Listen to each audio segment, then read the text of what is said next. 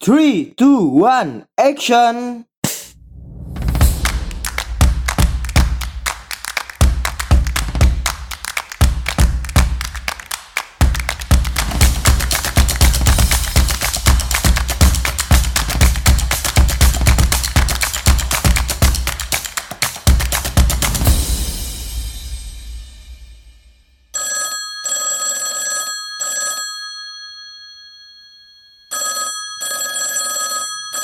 Halo, selamat datang kembali di Pod by MA, tentunya di program Anak Komunikasi. Ya, para pendengar Pod by MA, di podcast hari ini adalah podcast yang saya buat di pertengahan mata kuliah. Di mata kuliah Internet dan Media Baru. Seharusnya saya tidak membuat podcast ini di pertengahan perkuliahan, tapi di awal perkuliahan.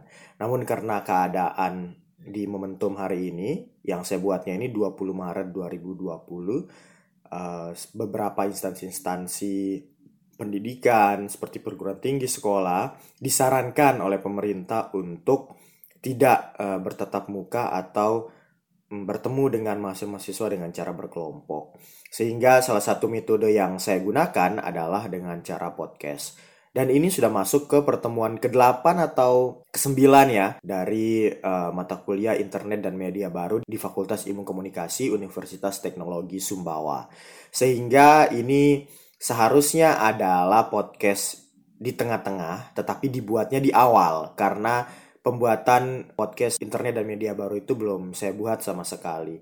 Namun tidak apa-apa, ini sengaja saya buat agar teman-teman uh, lebih mudah untuk belajar dari rumah atau dari kos. Oke, para pendengar Pod by MA, pada pertemuan sebelumnya kita sudah banyak sekali membahas tentang media baru. Kita sudah menjelaskan tentang apa sih itu media baru, kemudian bagaimana kekuatannya, bagaimana penyebarannya, bagaimana orang-orang menggunakan, dan ada banyak sekali yang kita jelaskan. Di mana sebenarnya media baru itu bukan merujuk pada satu konteks media saja, tapi itu konteksnya itu berhubungan dengan ruang dan waktu, momentum yang dilihat. Nah, ketika sekarang kita bicara media baru adalah media jejaring, Nah, pada masa lalu, televisi juga media baru, radio juga dulu media baru. Tetapi ketika sudah melewati konteks waktunya, momentumnya sudah lewat, mereka menjadi media konvensional, tidak lagi menjadi media baru. Nah, apa sih media baru itu? Saya perlu menjelaskan dari awal dulu sebelum kita masuk kepada pembahasan kita yang paling inti, yaitu digitalisasi. Yang pertama, media baru itu adalah media yang berhubungan dengan seperangkat teknologi yang mengalami perkembangan yang sangat cepat Nah, ini seperti yang sering saya jelaskan, konteks media baru itu adalah adanya perkembangan teknologi-teknologi. Yang dulunya itu kita melihat secara fisik, namun sekarang itu semuanya adalah maya misalkan. Nah, kalau teman-teman kemarin mendengarkan podcast saya di awal, maksudnya saya meminta teman-teman untuk mendengarkan adalah pengalaman mendengarkan podcast, ya walaupun teman-teman mungkin sudah pernah ada yang mendengarkan, dengan mendengarkan radio-radio konvensional. Karena konteks dari podcast ini adalah media lanjutan dari media yang sudah ada. Berbeda ya misalkan kayak televisi. Tidak ada media sebelumnya yang selayaknya televisi. Kemudian langsung ada televisi itu sendiri. Nah berbeda dengan podcast yang sebelumnya itu adalah sebuah radio konvensional menjadi sebuah podcast. Kalau dulu teman-teman ada yang menjadi penyiar radio atau pernah melihat orang yang bersiaran seperti itu. Mereka kalau memutar lagu, mereka menggunakan sebuah kaset, kemudian memutar lagu-lagunya. Jadi benar-benar kaset tape itu diputar itu. Dan mereka sudah tahu lah di mana lagunya pertama yang akan diputar. Maka mereka ada dua tip untuk mendengarkan sampai mana lagunya, kemudian apa yang akan diputarkan untuk didengarkan oleh pendengar. Yang kedua adalah pada masa lalu tidak ada media rekaman langsung.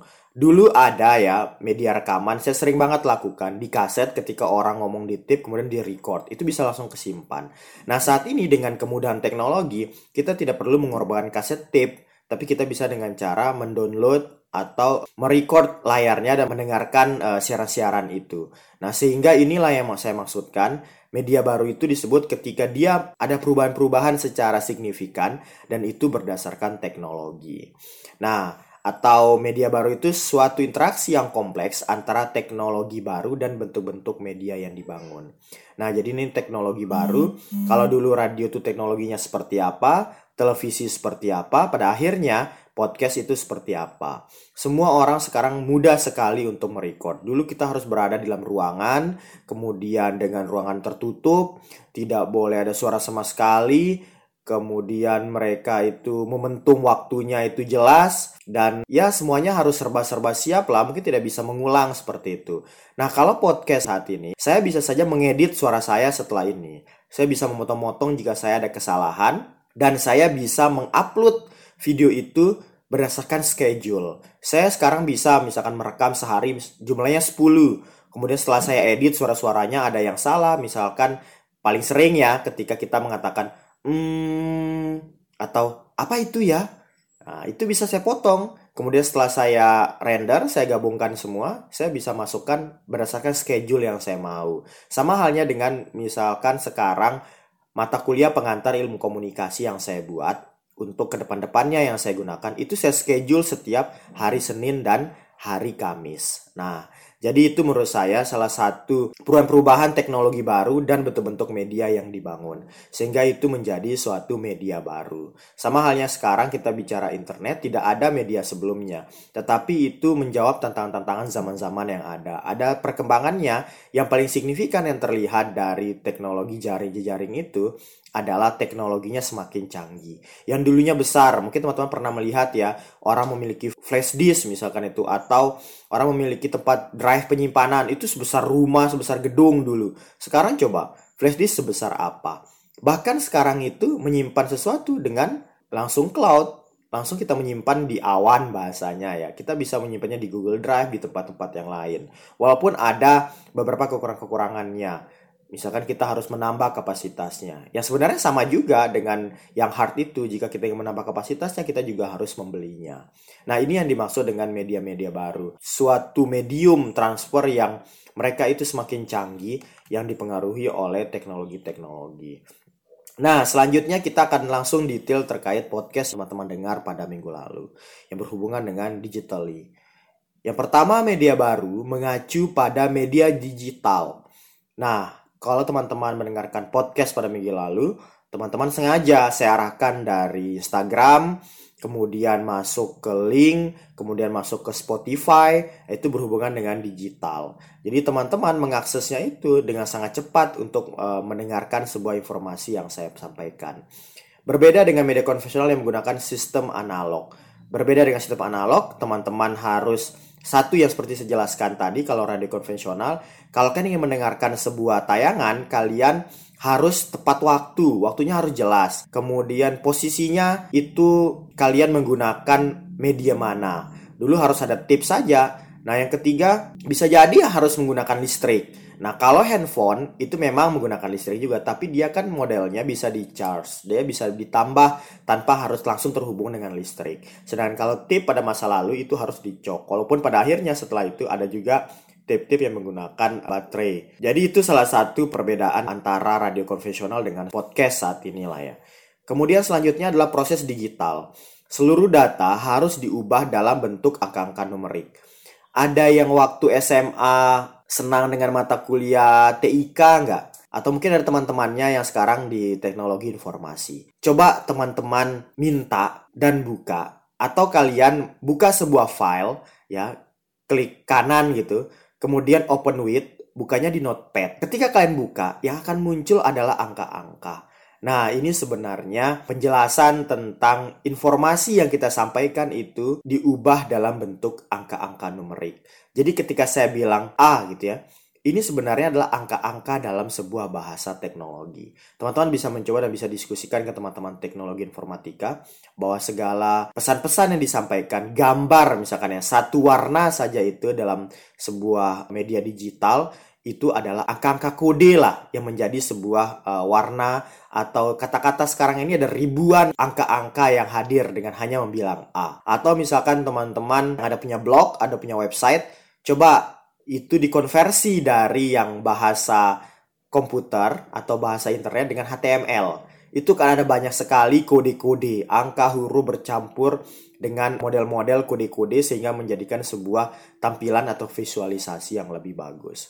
Nah, oleh karena itu ini yang dimaksud dengan seluruh data itu diubah dalam bentuk angka-angka numerik.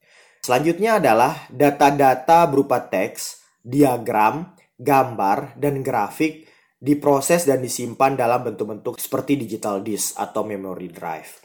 Nah, kalau dulu mungkin teman-teman sudah nggak dapat yang momentumnya, saya itu sempat dulu mendapatkan momentum disket tiga setengah floppy lah istilah nama komputernya tuh. Kalau dimasukkan cheat cheat cheat cheat kayak gitu.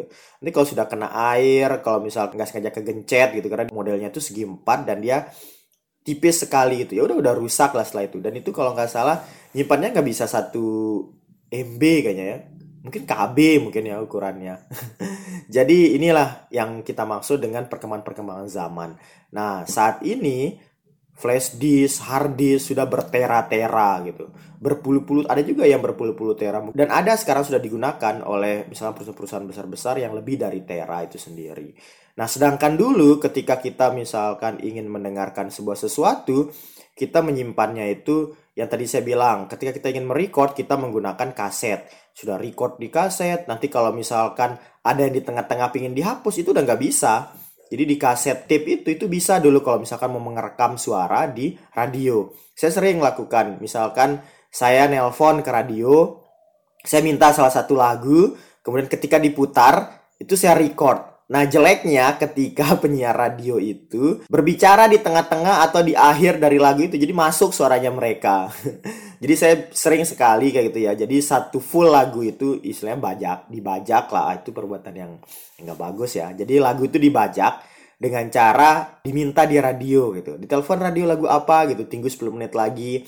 Ketika akan diputarkan kita langsung nge-record. Record itu kan memencet dua tombol yang merah merah titik itu dan apa ya playnya kalau nggak salah dipencet itu di tip itu langsung record. Nah saat ini simbol untuk record juga masih sama ya jadi merah titik. Nah itu yang saya maksud dengan kecanggihan-kecanggihan saat ini. Ketika kita ingin menyimpan sebuah file kita mampu mengcopy, mempaste, bisa mengcut, mengganti filenya, memformat, bahkan isi file-file itu lagu misalkan ada suara penyiarnya masuk kita bisa potong suara penyiarnya atau kita bisa malah mengaburkan. Nah ini yang dimaksud dengan kemudahan-kemudahan pada digitally. Nah, selanjutnya adalah proses analog. Penjelasan tentang analog tadi ini dijelaskan di pembahasan di akhir. Proses analog mengacu pada proses di mana seperangkat properti fisik yang disimpan dalam bentuk fisik. Seperti tadi itu ya kaset, tip itu untuk merekod suara-suara. Nah, kalau sekarang bisa menggunakan flash disk juga tapi ukurannya besar. Bisa diedit dan bisa juga sekarang menggunakan cloud ya. Jadi orang bisa menyimpan dengan di Google Drive dan lain-lain lainnya lah. Nah, maka di sinilah pentingnya kita memahami bahwa perkembangan teknologi saat ini, terutama di media baru, itu mempengaruhi juga alat-alat yang kita gunakan. Nah, di podcast sendiri misalkan, yang tadi saya sudah jelaskan, yang berbeda dengan radio konvensional, karena saya juga tiga tahun pernah di radio konvensional, di radio kampus, perbedaan yang paling signifikan ya, satu, kalau misalkan saya siaran jam 8 sampai jam 10 seperti itu, jam 10 pagi, saya harus sudah standby dari jam setengah 8. Nah, kalau podcast, saya itu bisa minggu ini rekaman untuk saya upload di 2-3 minggu ke depan. Satu bisa secara manual, bahkan lebih mudah sekarang kalau teman-teman pengguna podcast di Anchor, itu teman-teman bisa masukkan filenya, kemudian buat schedule untuk 2-3 bulan, bahkan untuk tahun-tahun depan itu bisa secara otomatis mereka itu langsung bisa merekod tanpa kita harus standby di waktu dan ruang yang sama untuk kita siaran.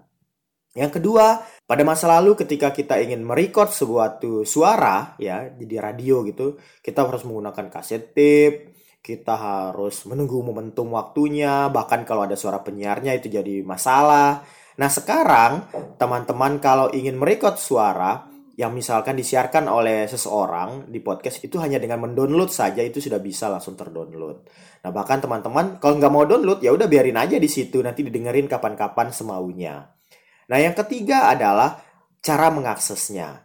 Cara mengaksesnya ketika teman-teman itu mendengarkan radio harus standby di suatu tempat atau misalkan di mobil dengan waktu yang sudah ditentukan. Nah, kalau podcast teman-teman bisa mendengarkan kapan pun dengan handphone yang tanpa harus di charge. Seperti yang tadi kalau tip itu harus tetap dicolokin ke listrik.